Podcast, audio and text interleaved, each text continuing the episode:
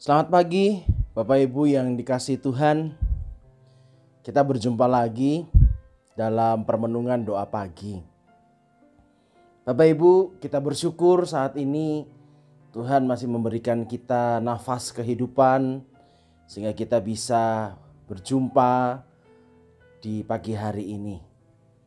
Nah, sebelum kita bersama-sama merenungi sabda Tuhan, berdoa, Mari kita datang kepada Tuhan dengan sebuah iman dan pernyataan bahwa kalau kita bisa berada pada hari ini, pada pagi ini, semua kita jalani dalam suka maupun dalam duka hanya bersama dengan kemurahan Tuhan.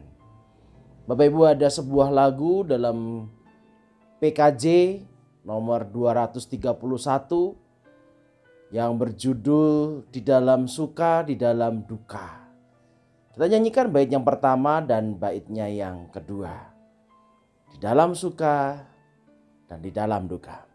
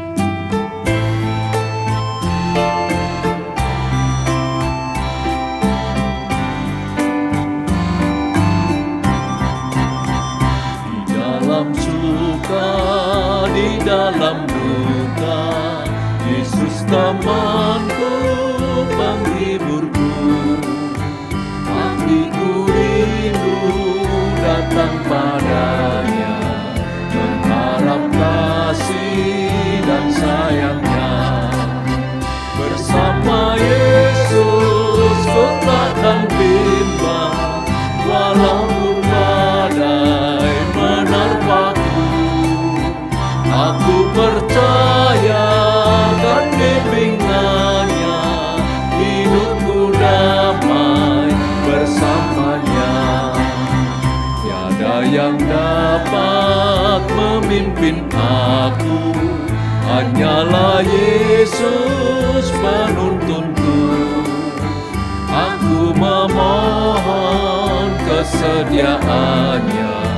Tinggal sertaku selamanya. Bersama Yesus ku takkan bimbang Walaupun badai menerpaku. Aku percaya dan bimbingannya Hidupku damai bersamanya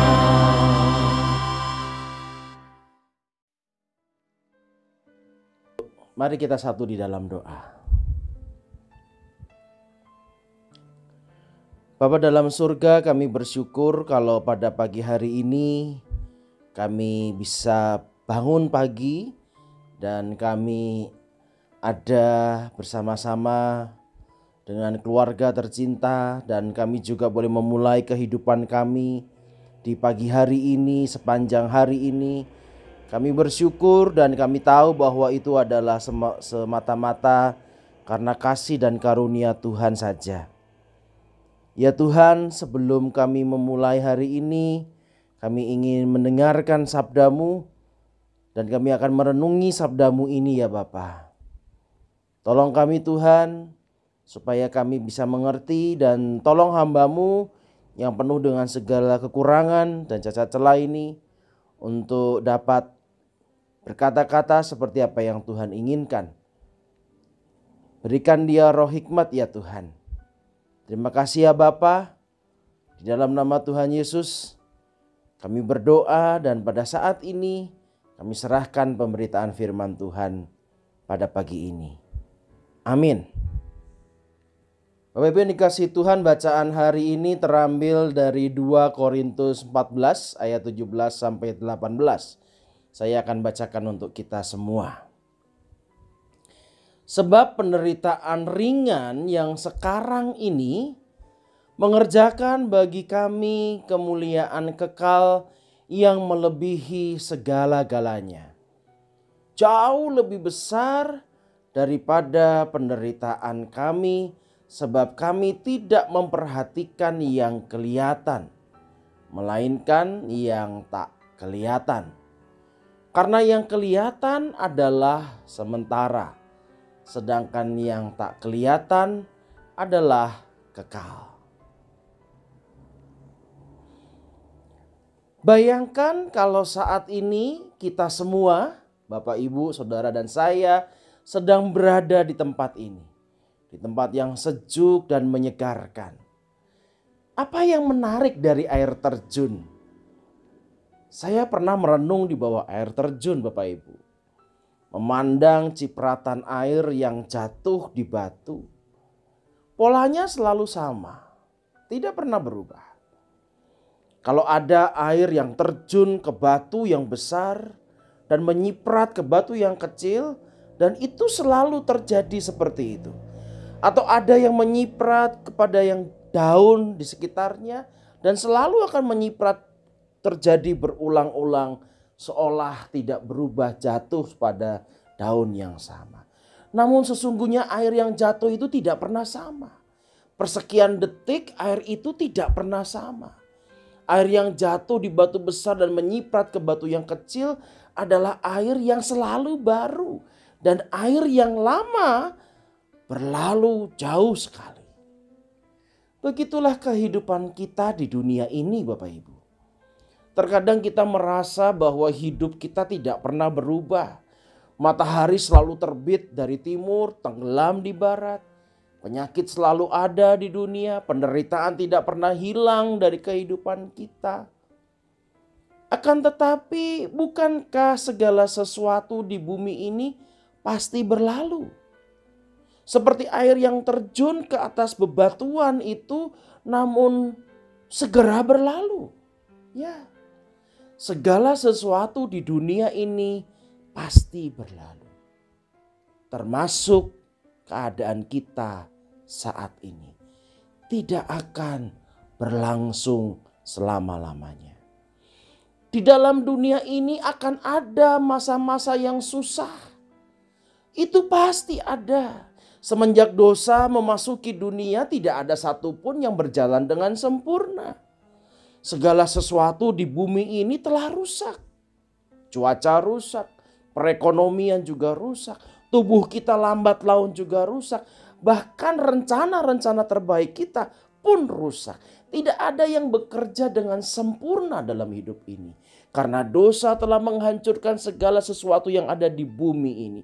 Segalanya telah rusak dan kacau, bahkan alam pun mengerang. Tapi seperti air yang mengalir, maka segala sesuatu di dunia ini pun akan berlalu. Anda, saya, kekayaan kita, seluruh bumi, segala isinya, termasuk krisis coronavirus ini juga akan berlalu. Memang krisis coronavirus ini sangat besar dan berdampak. Bahkan krisis yang terjadi adalah krisis kesehatan, krisis ekonomi, dan mungkin juga krisis pangan. Dunia termasuk gereja di dalamnya terdampak. Apakah kita akan mengarahkan hati dan hidup kita pada krisisnya, pada krisis coronavirus ini, yang seolah-olah tetap berpola dan tidak pernah berlalu, begitu terus. Seperti air yang terjun menyiprat ke batu, menyiprat ke daun, dan itu terus terjadi berulang-ulang. Atau kita mau melihat seperti air yang mengalir dengan cepat pada saatnya nanti krisis coronavirus pun akan menjadi bagian sejarah dari manusia. Suatu saat nanti, kita akan terkagum-kagum dengan semua yang Allah lakukan di tengah-tengah pandemi ini, di tengah-tengah masalah ini. Akan ada lebih banyak tantangan serta kesukaran yang harus kita hadapi supaya kita bisa bertahan hidup. Tetapi bukankah ini bagian dari realita kehidupan di bumi ini? Selalu ada kesulitan dan tantangan. Mana yang harus kita perhatikan? Penderitaan-penderitaan yang memang akan segera berlalu ataukah kemuliaan Allah yang Allah lakukan untuk kita? Kita harus hidup dengan pengharapan Dan inilah pengharapan itu, sebab penderitaan ringan yang sekarang ini mengerjakan bagi kami kemuliaan yang kekal, melebihi segala-galanya, jauh lebih besar daripada penderitaan kami. Karena itu, kami tidak memperhatikan yang kelihatan, melainkan yang tak kelihatan, karena yang kelihatan hanya sementara sedangkan yang tak kelihatan adalah kekal. Baiklah kita merenungkan hal ini. Apakah kita sungguh yakin bahwa Tuhan tidak menyebabkan hal-hal buruk itu terjadi? Kalau kita yakin Tuhan tidak menyebabkan hal buruk itu terjadi, apakah kita percaya bahwa Allah selalu bekerja mendatangkan kebaikan untuk kita juga di tengah tengah pandemi ini. Amin. Mari kita berdoa. Bapa, mungkin ada di antara kami yang sudah mulai bosan dengan pandemi ini dan terus-menerus mengeluh kapan segera berakhir. Mungkin ada di antara kami yang merasa bahwa pandemi ini bahkan mungkin akan terjadi selama-lamanya. Kalau toh tidak terjadi selama-lamanya, pasti akan sangat lama sekali. Krisis atau dampaknya terjadi sungguh sangat lama, dan kami akan men menjalani kehidupan yang penuh dengan penderitaan. Lalu kami kemudian mulai mencari siapa yang salah. Jika pada akhirnya kami tidak berjumpa, tidak menemukan siapa yang harus bertanggung jawab pada atas apa yang terjadi, maka kami menyalahkan Tuhan. Tuhan, ampuni kami. Kami lupa bahwa memang Bagian kami di dalam kehidupan dunia ini adalah berhadapan dengan penderitaan. Semenjak dosa merusak seluruh kehidupan, maka kami harus berhadapan dengan penderitaan. Bukan hanya karena coronavirus, tetapi semua hal yang ada di dunia akan mendatangkan penderitaan bagi kami. Akan tetapi, ya Tuhan, apabila kami melihat menghayati bahwa Tuhan terus bekerja dalam kehidupan kami yang ada dalam penderitaan ini, maka kami meyakini bahwa penderitaan ini pun akan segera berlalu. Oh Tuhan, kuatkanlah kami. Bagi kami yang pada saat ini mempunyai persoalan ekonomi, yakinkanlah kepada kami bahwa Allah terus turut bekerja dan pada saatnya nanti kesulitan ekonomi ini pun juga akan berlalu. Atau sakit penyakit. Atau semua penderitaan-penderitaan yang ada yang terjadi. Karena dampak coronavirus ini ataupun juga bukan karena dampak coronavirus. Tuhan tolong kami Yakinkan kami, ajar kami untuk tidak terpancang pada penderitaan itu, tetapi pada karya Allah yang begitu mulia yang mendatangkan berkat bagi kami.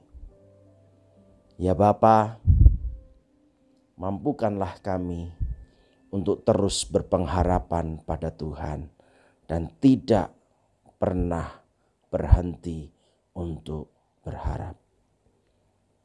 Kami percaya pengharapan kami tidak akan pernah sia-sia. Kami menjalani kehidupan kami pada pagi hari ini, sepanjang hari ini, bahkan sepanjang hari-hari ke depan dengan mengimani bahwa kasih karunia Allah yang melampaui akal pikiran kami, kasih setia dari Tuhan kami Yesus Kristus yang sudah berkorban di atas kayu salib itu dan Roh Kudus yang menghibur, yang menguatkan, yang menyempurnakan kami selalu menyertai kami dari sekarang sampai selama-lamanya. Amin. Bapak Ibu yang dikasih Tuhan, doa pagi kita sudah selesai. Tetapi iman, keyakinan kita yang berpengharapan kepada Tuhan tidak akan pernah selesai. Kita akan terus berharap bersama-sama dengan Tuhan. Ada sebuah lagu di dalam Kidung Jemaat tepatnya nomor 438 yang pada masa pandemi ini juga sering dinyanyikan oleh banyak orang. Mari kita nyanyikan bersama-sama. Apa pun juga menimpamu, sungguh Tuhan menjagamu. Kita nyanyikan Kidung Jemaat 438 baik yang pertama dan yang ketiga apa pun juga menimpamu, Tuhan menjagamu.